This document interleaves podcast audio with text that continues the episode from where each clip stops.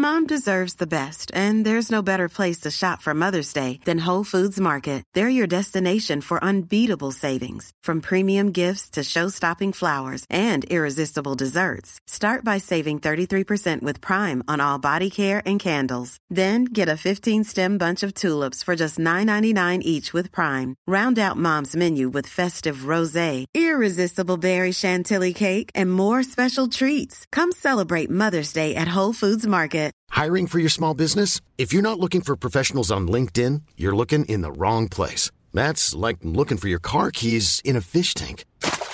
LinkedIn helps you hire professionals you can't find anywhere else, even those who aren't actively searching for a new job but might be open to the perfect role. In a given month, over 70% of LinkedIn users don't even visit other leading job sites. So start looking in the right place. With LinkedIn, you can hire professionals like a professional. Post your free job on linkedin.com slash people today. Hey, Dave. Yeah, Randy. Since we founded Bombus, we've always said our socks, underwear, and T-shirts are super soft. Any new ideas? Maybe sublimely soft. Or disgustingly cozy? Wait, what? I got it. Bombus. Absurdly comfortable essentials for yourself And for those facing homelessness. because one purchased equals one donated. Wow, did we just write an ad? Yes. Bombas. Big comfort for everyone. Go to bombas.com slash ACAST and use code ACAST for 20% off your first purchase.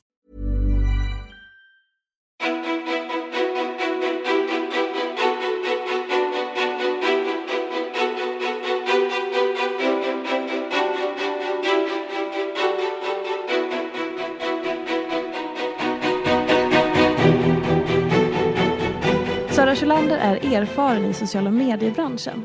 Hon hade länge en välbesökt blogg på bland annat Veckorevyn och Devote. Hon har nästan 100 000 följare på Instagram och en växande Youtube-kanal.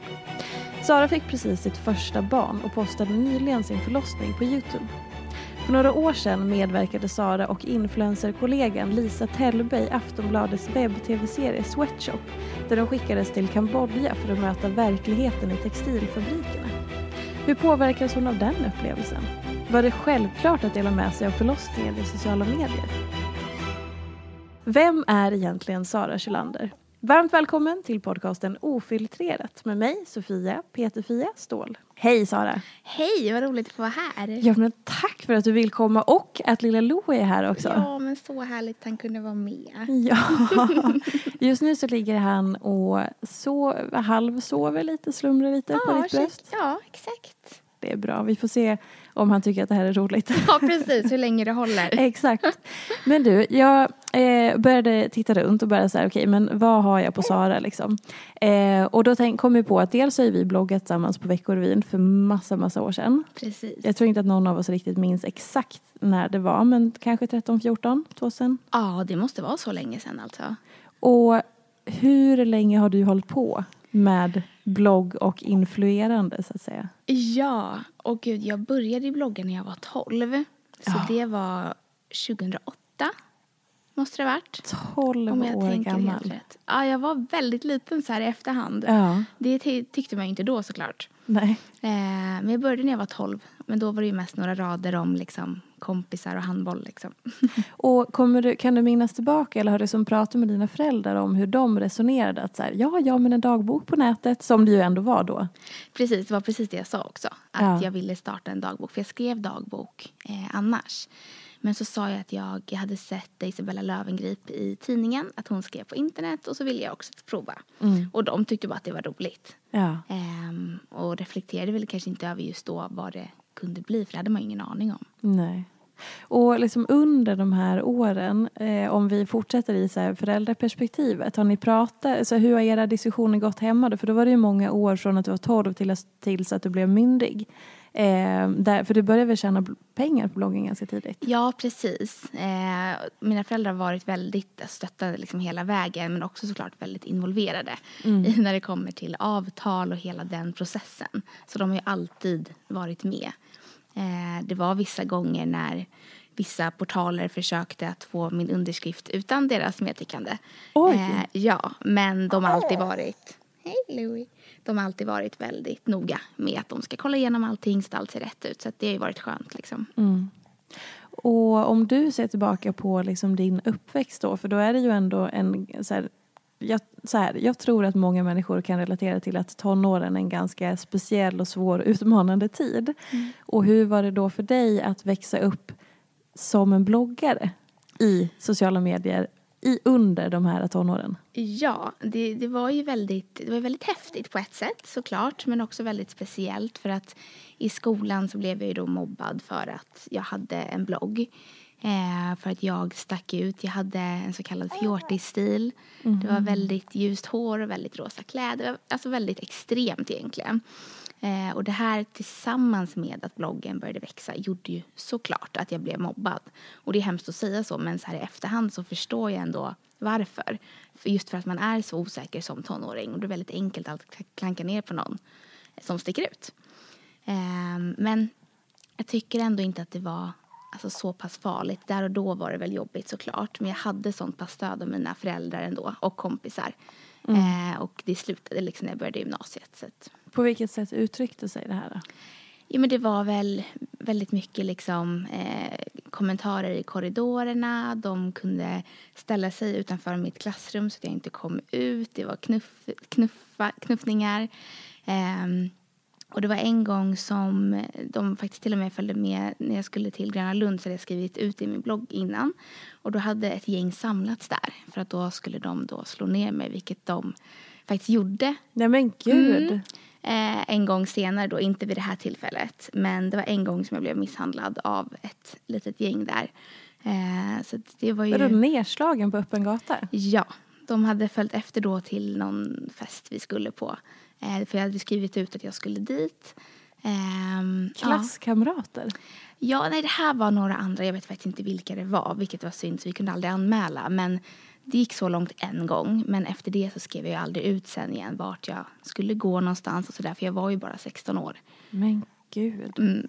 Alltså, förlåt att jag, du behöver inte svara, men så, var det så här knytnävslag och sånt? Eller Eh, ja, men det var det. Eh, och sen så hamnade jag på marken och så sparkade de faktiskt på mig när jag låg ner. Nej men gud. Ja, eh, så det, det är lite sjukt så här efterhand att se tillbaka på. Mm. Men där och då så, alltså mina föräldrar var ändå så pass, alltså vi pratade väldigt mycket om allting och liksom, så att det, det gick okej. Mm. Eh, så. Men det är sjukt ändå hur långt det kan gå bara för att man sticker ut på ett visst sätt. Men blev du... Nu blir det en jätteledande fråga här, det var inte meningen. Men så här, blev du inte rädd för... Alltså, eller så här, hur påverkades du Mm. Att fortsätta precis den tiden? Så här, vakna upp morgonen efter och bara, jaha, nu har jag blivit nedslagen och misshandlad. här. Ja, det är faktiskt helt sjukt när man pratar om det så här. Men Ja. alltså, jag tror att det var väldigt bra att jag kanske var i just den åldern. För att man kanske var lite trotsig. Mm. Och jag blev lite så här, eller vet att min mamma sa till mig att nu får antingen, du får bestämma dig. Antingen så får du lägga ner, men det är precis det de vill. Mm. Eller så får du bara köra på. Och det gav ju mig en drivkraft att liksom, okej. Sen fick jag ju vara smart och inte skriva vart jag skulle då, så att det inte skulle hända igen. Men på ett sätt så gav det mig en drivkraft. För att jag förstod att på något sätt så gjorde de ju det för att de störde sig på någonting. Det kanske var avundsjuka och då blev det en drivkraft i sig. Gud vad sjukt. Ja. Eh, och om vi tittar liksom lite mer på just de här åren, alltså att kombinera skola och ändå företagande som Mm. det ju blir. Och att, kan du känna att du har vuxit upp snabbare än andra? För att du har liksom levt det här livet? Jo, men det kanske man har på ett sätt. Eh, för att det har varit mycket jobbrelaterat. Man fick börja gå på möten tidigt, alltså hela den biten. Eh, men det tycker jag bara har varit positivt då. Finns det några nackdelar? Nej, alltså det kanske skulle vara lite det här med att man har blivit kanske lite försiktig med att lita på människor just för att tjejer betedde sig så som de gjorde. Eh, men det tycker jag på ett sätt kan vara en styrka också. Att man är lite selektiv. Just det. Intressant. Och nu när du har fått ditt första barn, hur resonerar du då kring, alltså om han skulle komma och säga att här, nu vill jag starta en YouTube-kanal när han är kanske åtta eller tio eller tolv som du var? Ja, alltså jag hade inte blivit jätteglad. Nej, berätta mer hur du Nej, tänker. men det är klart att han ska få göra det han vill. Men just nu så känns det väl som att det vore väl jätteskönt om han kanske pluggar någonting. Och Bara för att man vet liksom hur det faktiskt kan vara. Hur liksom utsättande man är. Mm. Eller utsatt man är. Och skulle du ändå tillåta honom? Eller? Ja, det skulle jag. Självklart. Du skulle det? Ja. Ja. Men Trots att han då inte är myndig. Så att du har ju ändå makt, eller makt kanske Ja, man inte ska säga. nej. Men liksom, du har ju ändå bestämmande rätten. Ja, men jag tror det. För jag är så himla glad att mina föräldrar pushade mig. Alltså Ja. jag hade inte gjort någonting annorlunda. Eh, så att det hade jag liksom inte velat ta bort från honom. Men såklart med restriktioner. Mm. Vilka restriktioner tänker du? Eh, och gud, det- det har jag inte riktigt tänkt på så. Men det är väl det här att man bara får vara smart. Ja. Eh, ja. Finns det någonting som du ändå önskar att du så här kunde ha kunde ha vetat eller så? Eller som du hade velat vara på ett annat sätt? Ehm, alltså om man hade liksom fått säga någonting till sig själv så hade det väl varit att liksom de där kommentarerna är inte på riktigt. Mm. Eh, för där och då när folk kom fram och berättade liksom hur ful jag var, då det är klart att man funderade lite som 16-åring att men är jag kanske det? Men funderar du bara lite? Jag tror att jag hade blivit helt... alltså jag hade nog gått och lagt mig i sängen en vecka om någon hade kommit Ja. fram och sagt det till mitt ansikte. Sa de det till ditt ansikte? Ja. Eh, men de här personerna har faktiskt bett om ursäkt i efterhand vilket jag tycker är jätteintressant och Ja. ändå moget av dem. Ja. Alltså för det har varit liksom i vuxen ålder. Mm. Ehm, men nej, alltså jag, jag tog det ändå helt okej. Men det var mycket på grund av mina föräldrar. För vi pratade om allt. Så här, varför uppstår det här? Ehm, och att jag alltid hade ett val. Att liksom jag kunde ju faktiskt lägga ner. Men då fick ju de som de ville. Fan vilka bra föräldrar. Ja, jag vet. De är grymma. Gud vad fint. Mm. Och ni pratade då om liksom alla aspekter om allting? Men precis. Att så här, varför fick jag den här kommentaren? Och liksom, varför gjorde de så? Och då pratade de också ofta om att men det betyder väl att de kanske inte mår så bra i sig själva. Mm. Eh, Så när man bar med sig det, självklart var det jobbigt på ett plan också, men jag tror att det la hela grunden till att man orkade fortsätta då. Gud vad intressant. Skulle Mm. du säga att du har en, eh, en eh, liksom stark självkänsla? Eh, ja, men det skulle jag väl säga på vissa plan. Mm. Alltså absolut inte 100 procent, men just på det planet kanske. Att vad andra tycker har jag ganska lätt att slå bort. Det tror jag många tänker så här, gud vad drömmigt. Ja. Eh, eller drömmigt, här Mm. sitter jag och försöker vara ungdomlig i mitt tal. Men eh, alltså, för just det så här, att vi lever i ett samhälle där det är väldigt mycket tyckande och mycket visa upp och såklart beroende på sociala medier och sådär. Mm. Och då alltså inte vara en liksom eh, inte vara liksom vad ska man säga, slav under det att man blir så påverkad av vad andra tycker om en hela tiden. Det är ju en balansgång, alltså det kan vara jättesvårt. Ja, verkligen. Har du några tips på hur man kanske kan träna upp det? Ja, men kanske att fundera på att vad, om det är någon som man vet kanske har snackat skit om en eller som man vet går och tänker någonting, alltså, vad grundar det sig i? För att jag brukar tänka att har man tid att gå runt och tänka saker om andra människor, illa saker, då mår man ju inte bra i sig själv. Och då är det egentligen mer synd om den personen. Och då borde man ju kanske inte riktigt, alltså förstår man den grunden så kanske det är lättare att inte ta åt sig. För då är det ju inte en själv det handlar om utan det är alltid den andra personen. Just det. Mm. Och finns det någonting som ändå liksom brukar gå in? För jag tänker att alla Mm. människor har någon sån här akilleshäl. Ja, ja.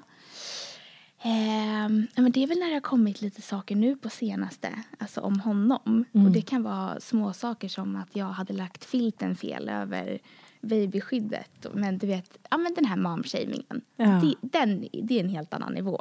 Men det är ju för att det handlar om honom, det handlar inte om mig. Ehm, så den är svår, men det, det får jag jobba på. Men det, det är ju väldigt nytt liksom och det var ett helt annat forum. Men, och jag hade hört om det tidigare. Men Mm. det var mer momshaming än vad jag hade kunnat vänta mig. Hur mycket skulle du säga att du liksom får det till dig? För nu har du varit mamma i två månader. Ja, i två månader. Ehm, nej, men det började redan när jag var gravid. Eh, och när jag och min kille hade en middag och vi la upp en bild på två vinglas. Och mitt var alkoholfritt men det känner inte jag att man behöver skriva ut när man är vecka 38 liksom. Nej, nej. Eh, men då fick jag direkt att så här, "Åh, du kommer döda ditt barn. Och, du, vet- och det är ganska så här, hårt att läsa. Ja, och sen har det här då fortsatt. Eh, men det, alltså, det kan vara allt möjligt. Som att han inte hade strumpor på sig. Och du vet, som att, men där och då så känner man ju sig som en så dålig mamma. Ja. För att man vill ju bara göra allt rätt. Men det är ju så svårt. Men gud. Ja. Så, då ser de att han behöver strumpor för att de vet exakt situationen och Temperatur. temperaturen i Ja, exakt. rummet och de vet allting. Och precis vad ni har gjort innan och så. Ja, nej, men det är intressant. Det är jätteintressant. Så det där, och det där vet jag, det är precis samma sak där. Samma råd jag egentligen får ge till mig själv. Ja. Men det får man nog jobba lite på, för det är lite känsligare när det kommer till honom. Såklart. Ja. Hur har du upplevt de här två månaderna? Alltså det har varit, jag brukar säga att det har varit så mycket mer än vad jag hade kunnat tro. Alltså mycket mer kärlek än vad jag hade kunnat förvänta mig. Men också att jag har blivit mycket mer orolig. Jag har börjat få ångestkänslor från ingenstans. Jag har nästan aldrig haft förut. Alltså det tycker jag är ganska intressant liksom, att man verkligen förändras så. Och det är väl för att man är på helspänn hela tiden.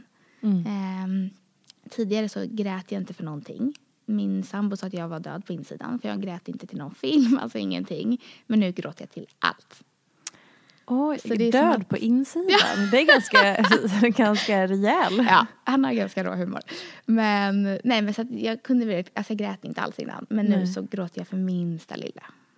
Okej, men det där vill jag bara fråga lite mer Mm, om. Så här, Du grät aldrig. Minns du? Okej, om vi tar bort, eh, vi tar bort, började det här redan under graviditeten att du grät för minsta lilla? Eller nej, det? nej, det är efter Nej. han har kommit. Okej, Mm. så innan Louie kom till världen eh, och hela ditt liv då. Ja. Minns du senast du grät då innan han kom? Alltså så som var du, om Ja, men vi det var, pratar väl, det bara var någon gång under graviditeten. Okej, om vi tar bort graviditeten, vi tar bort allt som har med mamma Ja. och barn att göra. Oj. Ehm, Så bara så här, Sara i sitt liv som Sara. ja. Eh, inte vad jag kom på just nu. Pratar vi liksom år? Nej, alltså, självklart har det hänt. Men jag kan inte komma på en specifik händelse. För det skedde inte så Det ofta. är det sjukaste jag hört. Jag vet. Och idag är det så här, vem var jag? För att nu... Men okej, så här, eh, skulle du känna att du liksom eh, hade, hade du kontakt med dina känslor? Eller var det mer lite sådär Nej, att det var ett skydd? Ja, jag tror att det kan ha varit det. Ja. Mm. Just säkert också för det här som jag upplevt. Det känns ju ganska logiskt. Man bygger, Ehm. du har byggt upp någon slags mur? Ja men precis, det skulle jag absolut tro. Mm. Jag hade inte reflekterat över det så mycket. Det är bara nu när det blev som natt och dag liksom. Ja, och ändå att det, men och så här, när din sambo då säger så här, du är död på insidan. vad, vad händer i dig då? Blir det så här, ja ja men han skojar bara eller så här, ja. så han har tänkte jag då. Ja. Att han bara, det där var ett skämt liksom. Ja. Men så här i efterhand så bara, ja fast jag kanske blockade lite. jag har Just faktiskt det. inte reflekterat över det så jättemycket men det är intressant när man väl liksom tänker på det. Mm, verkligen. Och det är fint hur förändrad man kan bli. För att man blir mamma tycker jag. Absolut. Och så här, nu då när du helt plötsligt har liksom ett annat flöde av känslor och gråt eller så. Hur är det i och med att du inte är van att, liksom att, du inte är van att ha den eh, kontakten eller vad man ska säga? Ja, så jag kan faktiskt tycka att det är lite jobbigt att för det kan vara liksom om jag sitter med en tjejkompis och de berättar något fint och så kan det komma tårar och jag är inte van vid det. Nej. Så det kan jag tycka nästan, att jag nästan kan skämmas lite vilket jag vet är helt fel liksom. Men det, man får väl vänja sig att man har blivit lite känslig. Mm. Och om vi, om vi tittar tillbaka då igen, jag går lite så fram och Ja. tillbaka. Men just i så här, att gråta, för att Mm. det är ju något så himla speciellt med just gråt. För att precis som du säger, att det blir nästan lite skämmigt. Mm. Ehm, och jag tror att många har en ganska komplicerad relation eh, till just tårar och gråt. För att man kan, jag vet om jag går till mig själv så är jag väldigt mycket i, i livet kämpat med att just att jag tycker att det är okej att gråta. Eh, och tycka att det inte är en svaghet. För det tycker jag ofta att jag har liksom undermedvetet tänkt. Att så här, för ofta har jag blivit, när jag blivit arg, då gråter jag. Eh, vilket jag har jobbat för att jag har typ känt att jag inte har rätt till att vara arg. Mm. För att ilska får inte ta plats. Kan du känna igen dig? Ja, 100 procent. alltså verkligen.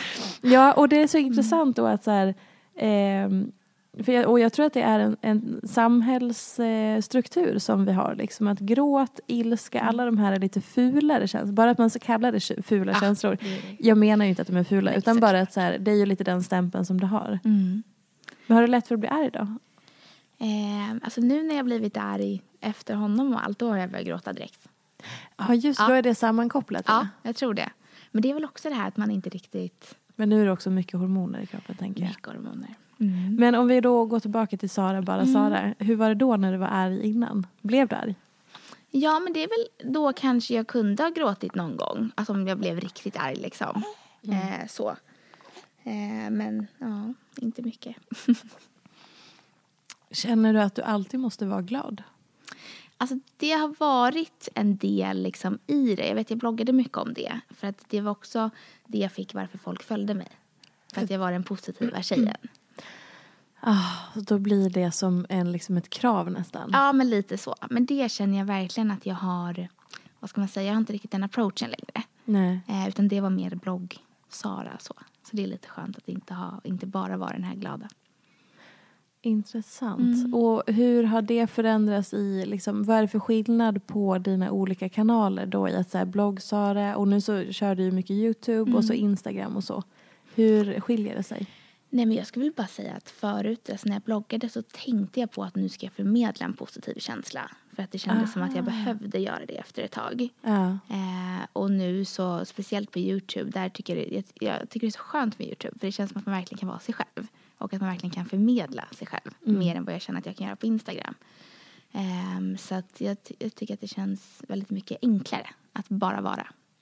Just det. Mm. Har du lätt för att eh, låta det vara liksom dålig stämning? Eller känner du att du måste så här, rätta till det? Åh gud, 100 procent att jag rättar till. Ja. Ja, ja, alltid. Hur då? Eller Alltså- kan du ge oss något exempel? Nej men alltså jag skulle säga i varenda sammanhang. Vad roligt att du frågade för jag har aldrig ens reflekterat över det här. eh, nej men alltså så fort det kanske blir lite, kanske lite tyst och jag är den som pratar. Ja. Alltså, eller liksom om det är, alltså jag söker inte konflikter direkt liksom. Konflikträdd? Ja, det skulle jag väl säga. Alltså eftersom att jag försöker undvika dem liksom. Mm. Men då, och då om vi går tillbaka till, jag tycker, jag tycker sånt här Ja, är så ja, himla ja, spännande. men jag har. Mm. jobbat så mycket med mina egna issues i, i livet om sånt här.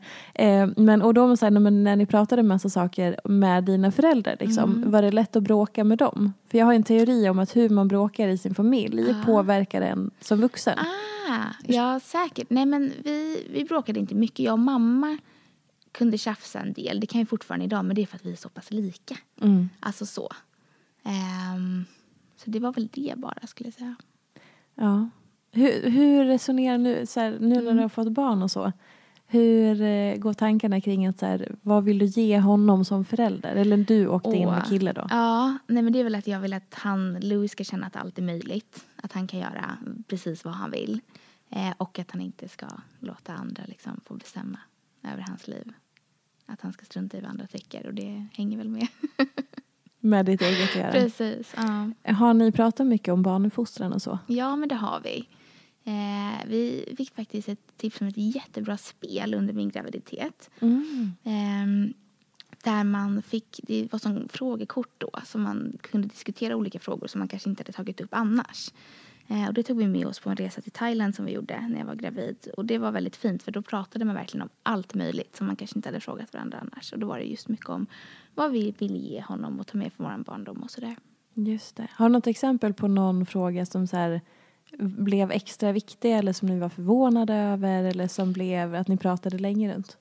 Eh, ja, men det var vad man ville ta med från sin barndom och vad man inte ville ta med från sin barndom. Ehm, och då var det just det här att jag inte ville att han skulle bli utsatt för någonting. Men då kom vi fram till att då blir det ju svårt att låta göra han det han vill. Ja, just det. Mm, så det krockar ju lite där. Ja. Eh, så då kom vi fram till att det är väl bättre att man får vara med om lite tuffa saker. Liksom. Mm. Vad din kille då? Eh, nej, men han kände samma sak i det. Ja. Mm. Och eh, överlag, tycker så här, kommunikation, tycker du att det är lätt att kommunicera? Eh, ja, men det tycker jag. Mm. Alltså, eller jag har blivit bättre på det, om man säger så. Eh, jag och min kille, vi var väldigt bra vänner innan vi blev tillsammans. Och då hade vi pratat mycket om just det här med kommunikation i förhållande, hur viktigt det är. Mm. Så det var liksom våran deal när vi skulle få honom att vi alltid ska våga kommunicera, även om jobbiga saker. Och hur, nu har ni i och för sig, nu är han bara två månader, men upplever ni att er relation har liksom påverkats av att ni nu är mamma och pappa och blivit föräldrar? Ja, men det tycker jag verkligen. Kanske redan i graviditeten i och för sig. Ja, menar alltså, det tycker jag. Vi hade inte hunnit vara tillsammans så länge innan jag blev gravid. Vi hade varit tillsammans i ett halvår, sju, åtta månader. Eh, så det var ju fortfarande väldigt nytt och du vet man är fortfarande väldigt nykär på ett sätt, vilket jag tror har varit positivt också. För det gör att man kanske har lite mer tålamod med saker. Eh, men jag tycker att alltså, relationen har blivit, den har blivit mycket djupare. Eh, och man är familj liksom, det blir verkligen en helt annan känsla. Berätta lite mer om det. Eh, nej men jag känner väl att man har fått ännu mer respekt för varandra. Eh, men kanske också att jag då speciellt blir lite mer känslig för vissa saker. Speciellt när det rör honom. Nej men allt blir bara mer, alltså mer känslor av allt skulle jag säga. Mm. Vilka svårigheter tror du att ni kommer möta då? Nu när ni är föräldrar och man får liksom in i så småbarnslivet. Ja, alltså jag vet att jag måste jobba på att inte vara så känslig kring honom. Alltså om jag känner att jag gör något fel eller liksom så. Att det inte behöver vara hela världen liksom. Um, men sen vet jag, sen gissar jag väl att det blir som, alltså man kommer väl småtjafsa liksom. Um, men vi har sagt att man alltid ska försöka att liksom se ur den andras perspektiv. Ehm, mm. Och det har funkat bra hittills. så himla viktigt. Mm. Jag kan uppleva att män som grupp har lite svårt för det. Mm. Mm. Ja. alltså inte, och vi behöver inte ta individnivå utan som på gruppnivå mm. så kan det vara så lite svårt ibland. Mm, mm. Kan du relatera? Ja, jag förstår vad du menar. och då är det intressant, då kommer vi in på liksom det här, eh, så här genusperspektivet och så. Alltså att ha fått en son mm. och att uppfostra liksom en han ska, det känns ja. jättesvårt och när man tittar på den här lilla gulle, gulleplutten nu som bara ligger där och myser och ser ut som en liten groda i din famn. Då känns det så himla svårt att se framför sig att han ska bli en man en dag. Jag vet. Men hur känns det att uppfostra en man? Jag är faktiskt väldigt glad att vi fick en son. Ja. Just för att då kan jag påverka hans liksom att han ska ta hand bra om sina framtida partners, tänker ja. jag. Ja. Alltså oavsett om det blir tjejer eller killar eller vad det blir. Men att han alltid ska liksom vara en bra man. Mm. Eh, och det har jag sagt är mycket liksom att min sambo, för jag tycker att han, han är en så himla gentleman liksom. Och det har jag sagt att det får det föra över till Louis. Hur, är det någonting som känns extra viktigt eller som du så vill verkligen försöka göra eller jobba på eller som är viktigt för dig att liksom ge honom då aktivt i uppfostran? Men alltså jag tycker alltså alla egentligen, vad ska man säga, alltså att han ska ha respekt självklart, alltså för människor och liksom inte göra skillnad på människor. Den tycker jag är väldigt viktig. Mm. Hur gör man, hur visar man det eller hur liksom, hur förmedlar man det? Den tror jag är jättesvår också säkert, men det beror väl på liksom hur man beter sig själv. Eh, mm. Mm. Det är sant. Barn gör inte som vi säger, de gör som vi gör. Precis. Mm. Man hamnar ganska mycket under lupp. Som ja. min dotter sa till mig häromdagen. Så typiskt, då stod jag och fixade en grej på telefonen. Ja. Och så sa, då började titta hon upp och bara, mamma, om du vill att jag ska lyssna på dig, då får du faktiskt lyssna på mig. jag bara, oh my god. Ja, det är klart att jag måste lyssna på dig. Förlåt, jag höll på med telefon. Jag ska lägga bort den så, för jag höll på att fixa någon, ah, någon jobbgrej. Okej, okay, jag lägger bort den nu. Förlåt, vad sa du? Du har helt rätt. Åh, oh, herregud. Åh, oh, gud vad gulligt. Ja, men man blir så här, ja, den här oh. tiden är förbi där man trodde att man liksom hade kunde komma undan med saker och ting. Men nu nu är det bara att jobba på liksom. Gud, gud vad häftigt. Jag längtar tills jag får lära känna honom lite mer när man kan kommunicera mer. Ja, ja men jag förstår det. Det är ju verkligen så olika faser. Men en annan fråga mm. är det många i din närhet som nu har fått barn eller som har barn? Eh, nej, det är faktiskt två bara av mina vänner. Ja men då är ändå någon som ja, är i din närhet? Ja, det har jag. Så eh, ni har varandra liksom? Ja men precis. Min barndomsvän fick en dotter för ett år sedan. Eh, så hon är ju liksom, henne frågar ju om allt. så det är faktiskt jätteskönt. Gud vad bra. Mm. Eh, och om vi går tillbaka till så här, eh, ditt jobb och så. Mm. Hur, eh, dels så här, vad, är, vad tar, nu är du såklart mammaledig, ja. men vad är liksom din primära eh, fokus just nu i jobbet? Inte just nu, men innan då? Ja, alltså jag skulle säga, jag har lite olika delar. Eh, jag jobbar bland annat med Nuskin, mm. Eh, som är direktförsäljning. Men sen så jobbar jag också med Instagram och Youtube och snart så ska jag släppa en podcast. Så det är hela den influencerbiten egentligen. Eh, så ska jag försöka balansera de två på ett bra sätt. Och vilka ska du fortsätta med nu under också? Alltså man, allt. Alltihopa. Jag vill inte sluta med något. Ja. Nej. Men jag hade faktiskt mamma över igår för hon ska hjälpa mig lite med att strukturera upp. För jag känner att det blir det, så, det känns som att det är så mycket små saker jag har så att inget har blivit riktigt 100% än. Eh, så jag ska få lite hjälp av henne. Gud vad bra. Mm. Och alltså hjälp som i att du ska anställa henne eller som att hon kommer in och liksom ger henne typ en gåva av Lite mammaråd hittills. ja, administrationsråd. så. Precis, ja. Gud vad bra. Mm. Men och hur, liksom, hur känner du inför hela den här biten att ha bebis och eh, jobba samtidigt? Nej, jag tycker faktiskt det, det känns bra nu. Men sen har jag också liksom respekt för att han kan komma in i nya faser och sådär.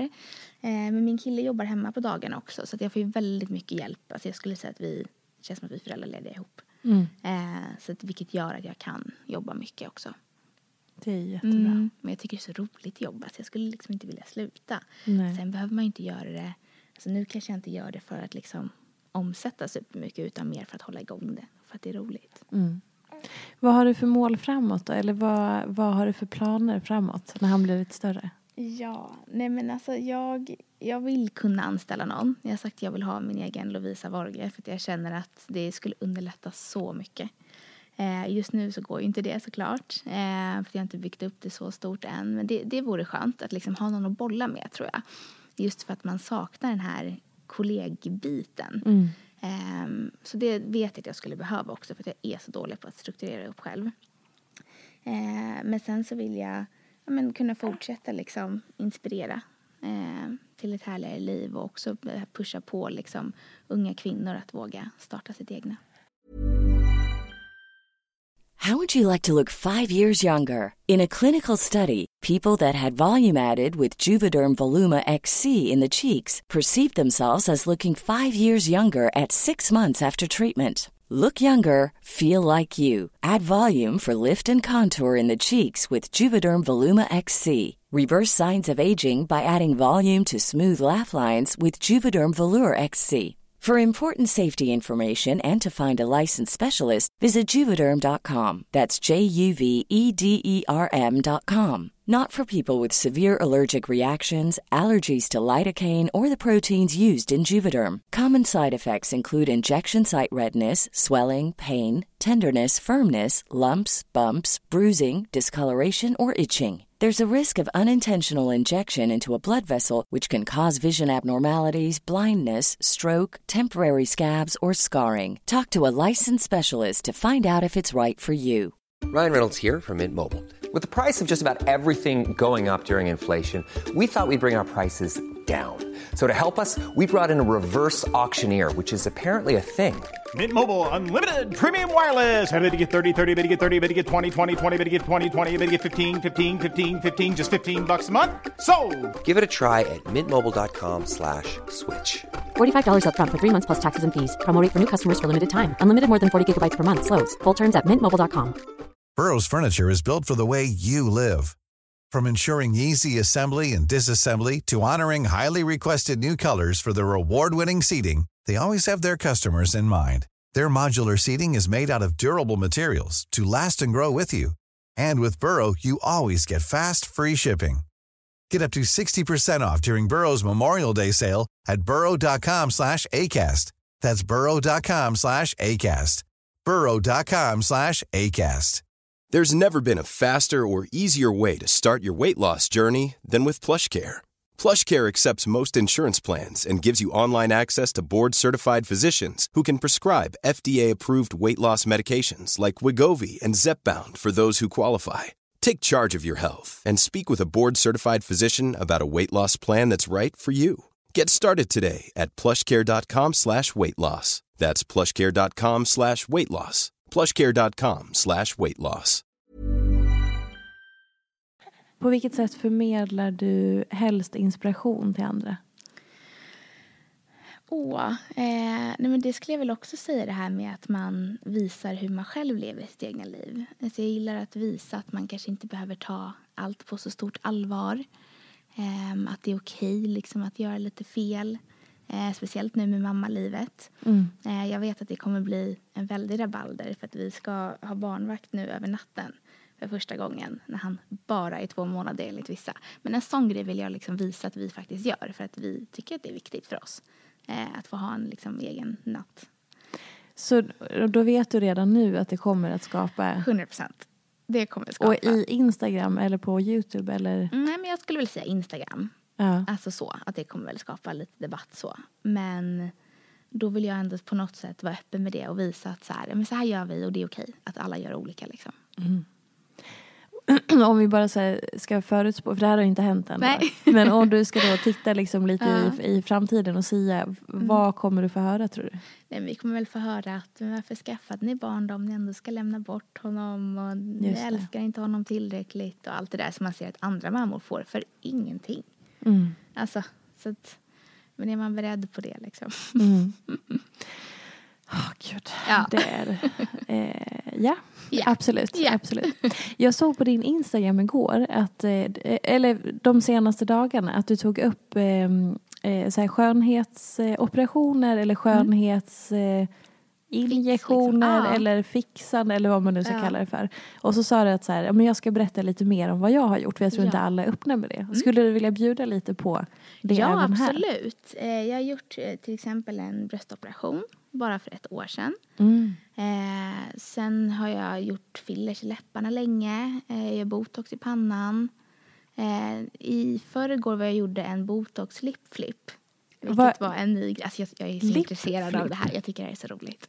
Ja, det är alltså att eh, om man ler så kan man ha en ganska stark muskel vilket gör att ens naturliga läpp åker inåt så att den Ja. blir smalare. Ja. Och då satte hon lite botox för mig där så att min, den muskeln ska slappna av lite så att min naturliga läpp syns mer. När man ler. Ja, alltså så häftigt tycker jag. Tycker du att det är helt oproblematiskt med den här typen av grejer? Nej, men jag tycker ändå att det är viktigt. Alltså jag tycker att det är viktigt att vara öppen med det, men Mm. inte öppet. Alltså jag skulle aldrig liksom gå och dela ut rabattkoder som jag ser att vissa kanske gör. Eh, men jag tycker det är. Alltså jag tycker mer att hellre vara öppen med det så att inte man sitter hemma och kanske ser någon och tänker att, liksom, att det är ouppnåeligt eller att liksom, varför ser inte jag ut så där? Då vill jag visa att så här, nej, men jag kanske inte heller var helt nöjd. Mm. Men det är okej om man vill fixa det, om man gör det för sin egna skull såklart. Vad var det absolut första som du gjorde? Eh, det var, jag fyllde i läpparna lite när jag var, gud jag var jätteung, 18 tror jag, 17 kanske. Innan du var myndig då? Ja. Fick du det Jag då? det. Eller var det någon, gick du och fifflade med någon som sa att äh, kom Nej, då?" jag, jag tror att mamma godkände det. Ja. Nej, eller så var jag 18, jag vet inte. Men det var väldigt tidigt. Och vad, liksom, vad var det som påverkade så att du gick och gjorde det första gången? Så innan du hade liksom påbörjat, för jag tänker att då Ja. är ju ändå tröskeln ganska hög. Att Ja. det är första gången man ska göra Ja, någonting. men precis. Eh, och hur var det då? Nej, men det var väl att man hade väl sett någon annan göra det, alltså så liksom. Och sen har jag alltid varit väldigt intresserad av skönhet. Mm. Eh, och så tycker jag det är häftigt att man kan liksom åtgärda det man vill. Eh, så länge det inte liksom går till en överdrift såklart. Men är det inte svårt att, eh, så här, att för jag tänker så här, Mm. de gånger jag själv har kanske tänkt den tanken. Mm. Eh, så jag tänkte, nej men gud, om jag skulle börja så är det så lätt att man typ så här, tar motorvägen och sen bara kör man och så har man ingen aning om hur man ser ut längre. För att perspektiven, jag förstår vad jag menar, Ja. att man blir så här hemmablind och att, att gränsen för vad som är rimligt kanske suddas ut. Förstår du? Ja, och det tror jag alltså, absolut kan hända. Liksom. Mm. Eh, men jag pratade faktiskt om det här på min Instagram häromdagen. Att jag tycker att om man nu ska gå och göra någonting, att jag tycker att man ska gå till någon professionell. För det finns väldigt många som gör, alltså, speciellt fillers i läpparna, som kanske inte ens har en certifierad utbildning. Just det. Eh, men att man ändå kan gå och göra det, då kan det gå väldigt fel. Tycker du att det är för lätt att göra skönhetsgrejer idag? Ja, men det tycker jag. Alltså jag tycker hellre att det ska vara lite dyrare. Ja. Eh, för då hade jag kanske inte gjort det liksom, första gången när man var 18. Eh, kanske lite dyrare och så att det är verkligen professionellt. Eh, Har du inte- upplevt någonting som har varit oprofessionellt? Nej, kanske inte riktigt. Det är väl mer att resultaten har blivit att det hamnat på, mina fillers hamnade liksom ovanför läppen. Oj. Ja, så att det är väl det man kallar duckface kanske. Det är ganska vanligt. Ja, så den att den åker åker liksom liksom, upp. upp. Ja. Eh, och då fick jag liksom gå och ta ut allting. Hur gör man då? Eh, man sprutar in en syra som liksom löser upp det. Är inte det här skitläskigt att hålla på? Alltså jag tycker inte det. Det är det som kanske är lite tabu. Men jag gör ju verkligen inte det. Jag tyckte det förut, men det är väl som du säger att man kanske tänjer gränserna. Ja, precis. Hmm.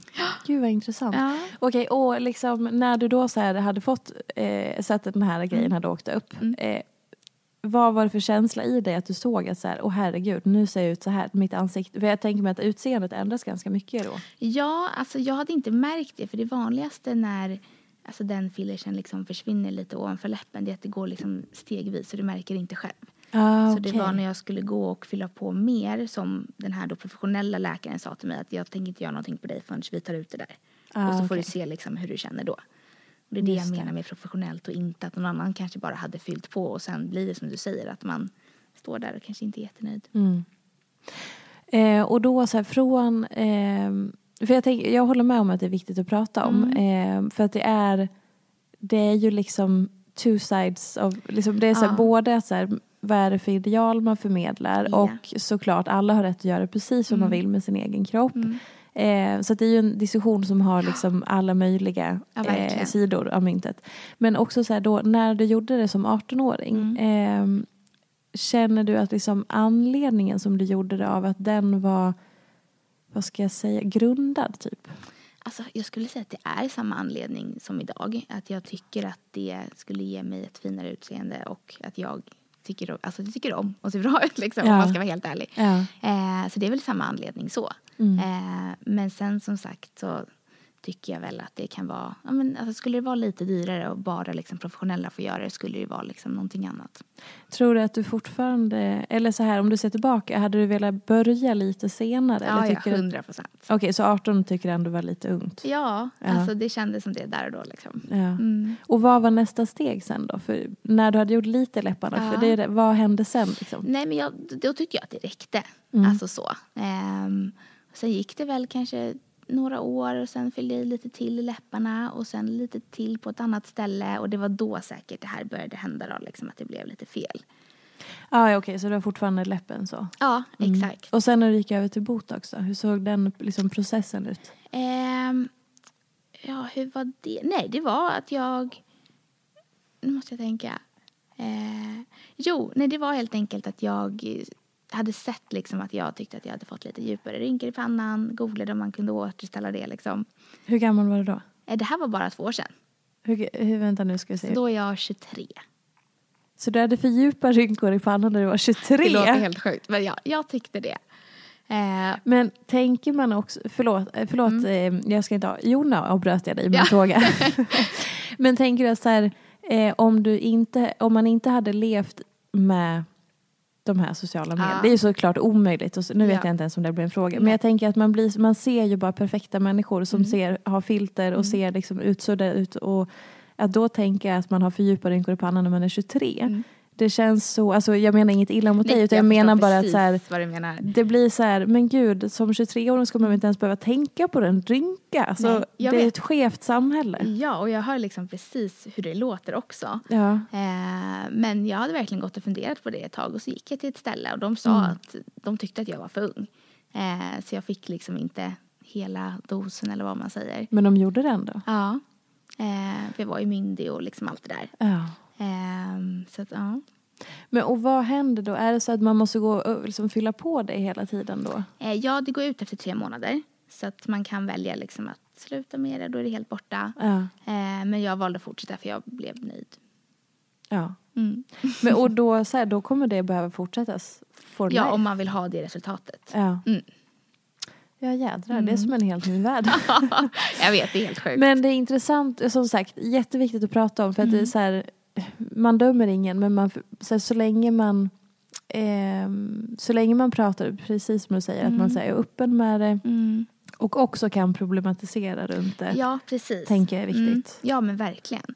Och att inte upp... Jag tycker att det är skillnad på att vara öppen med det och vara Mm. ärlig liksom, om man får frågor.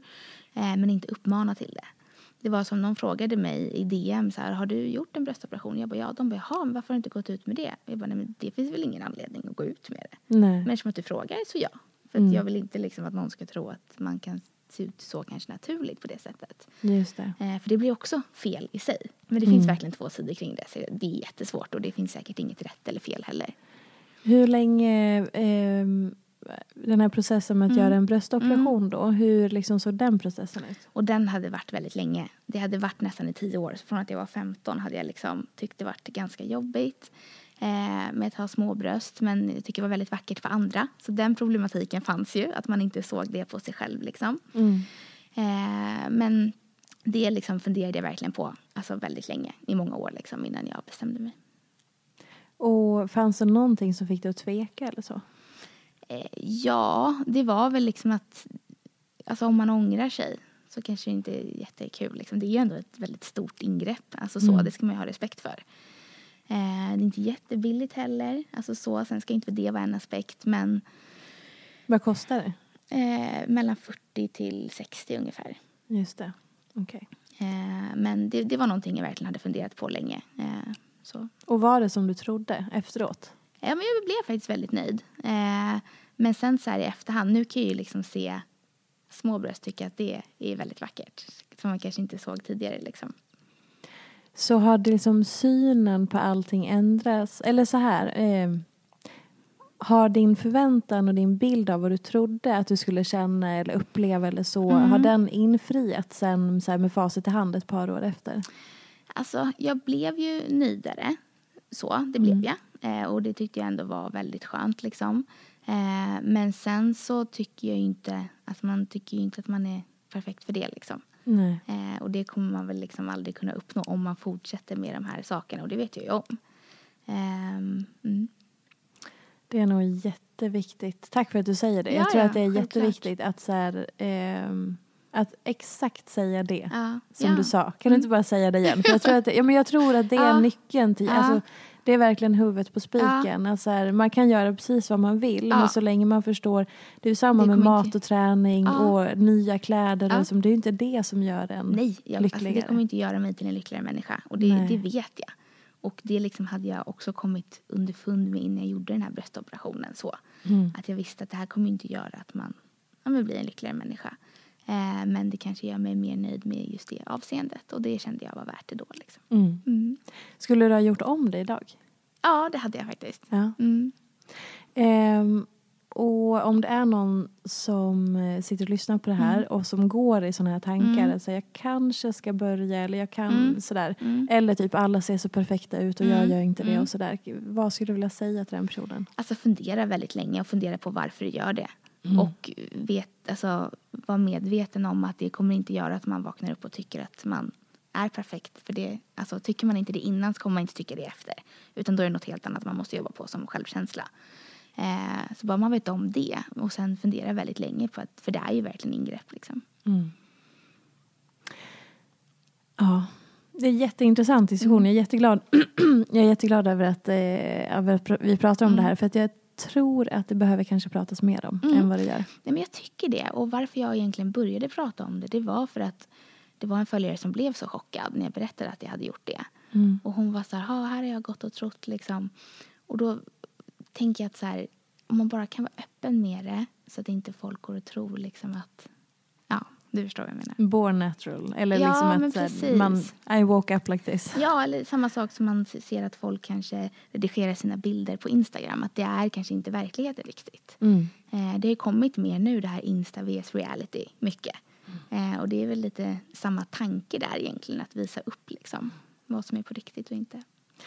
Eh, Vad skulle du säga är viktigast att ha med sig när man följer influencers i sociala medier? Att man alltid visar upp den bästa sidan. Eh, att det finns alltid liksom den bästa bilden att välja ut av flera. Och det kanske är, alltså det är ju liksom eh, en någon minut av ens dag som man ser. Så det finns ju så mycket mer bakom. Eh, och att komma ihåg det och att det spelar ingen roll vem man är utan alla sitter där och kollar på liksom andras liv också. Mm. Eh, att det finns liksom, alltså vi alla är likadana i grund och botten. Det finns ingen liksom som är perfekt på varken sitt liv eller liksom hur man känner sig. Helt rätt. Mm. så, så viktigt. Mm.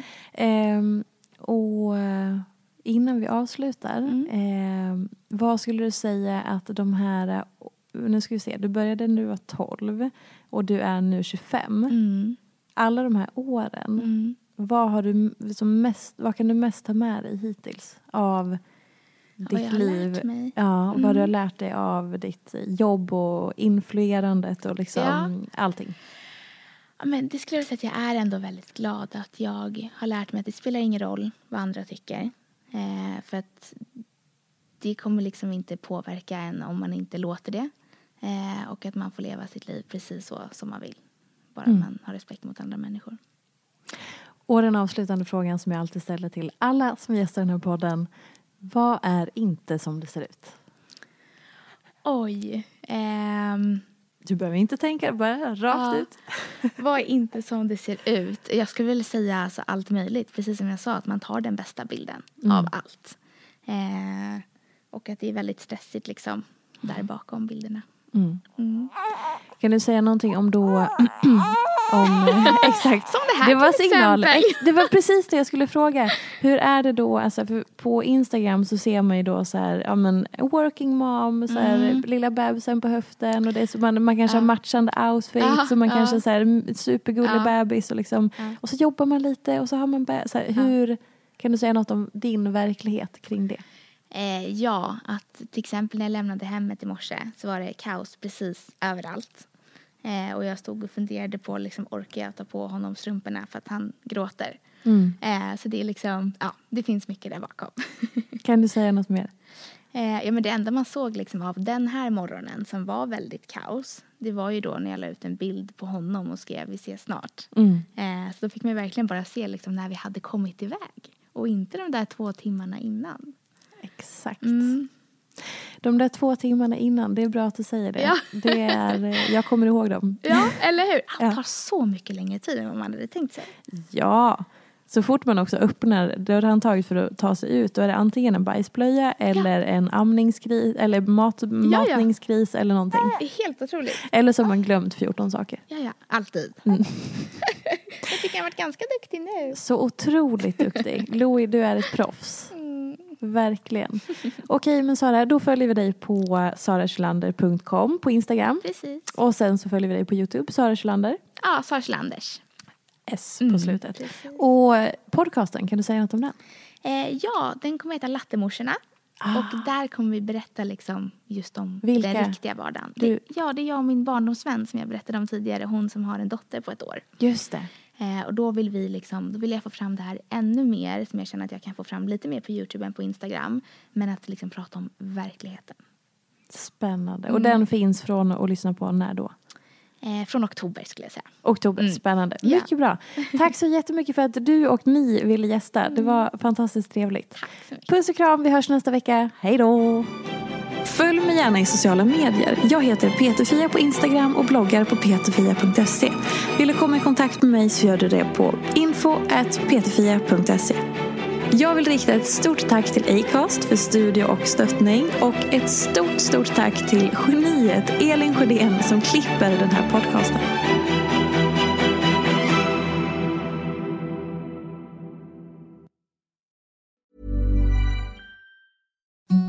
The softest sheets you've ever felt. Now imagine them getting even softer over time. That's what you'll feel with Bowl and Branch's organic cotton sheets. In a recent customer survey, 96% replied that Bowl and Branch sheets get softer with every wash. Start getting your best night's sleep in these sheets that get softer and softer for years to come. Try their sheets with a 30-night guarantee. Plus, get 15% off your first order at bowlandbranch.com. Code BUTTERY. Exclusions apply. See site for details. Normally, being a little extra can be a bit much, but when it comes to healthcare, it pays to be extra. And United Healthcare makes it easy with Health Protector Guard fixed indemnity insurance plans. Underwritten by Golden Rule Insurance Company, they supplement your primary plan, helping you manage out of pocket costs without the usual requirements and restrictions like deductibles and enrollment periods. So when it comes to covering your medical bills, you can feel good about being a little extra. Visit uh1.com to find the Health Protector Guard plan for you.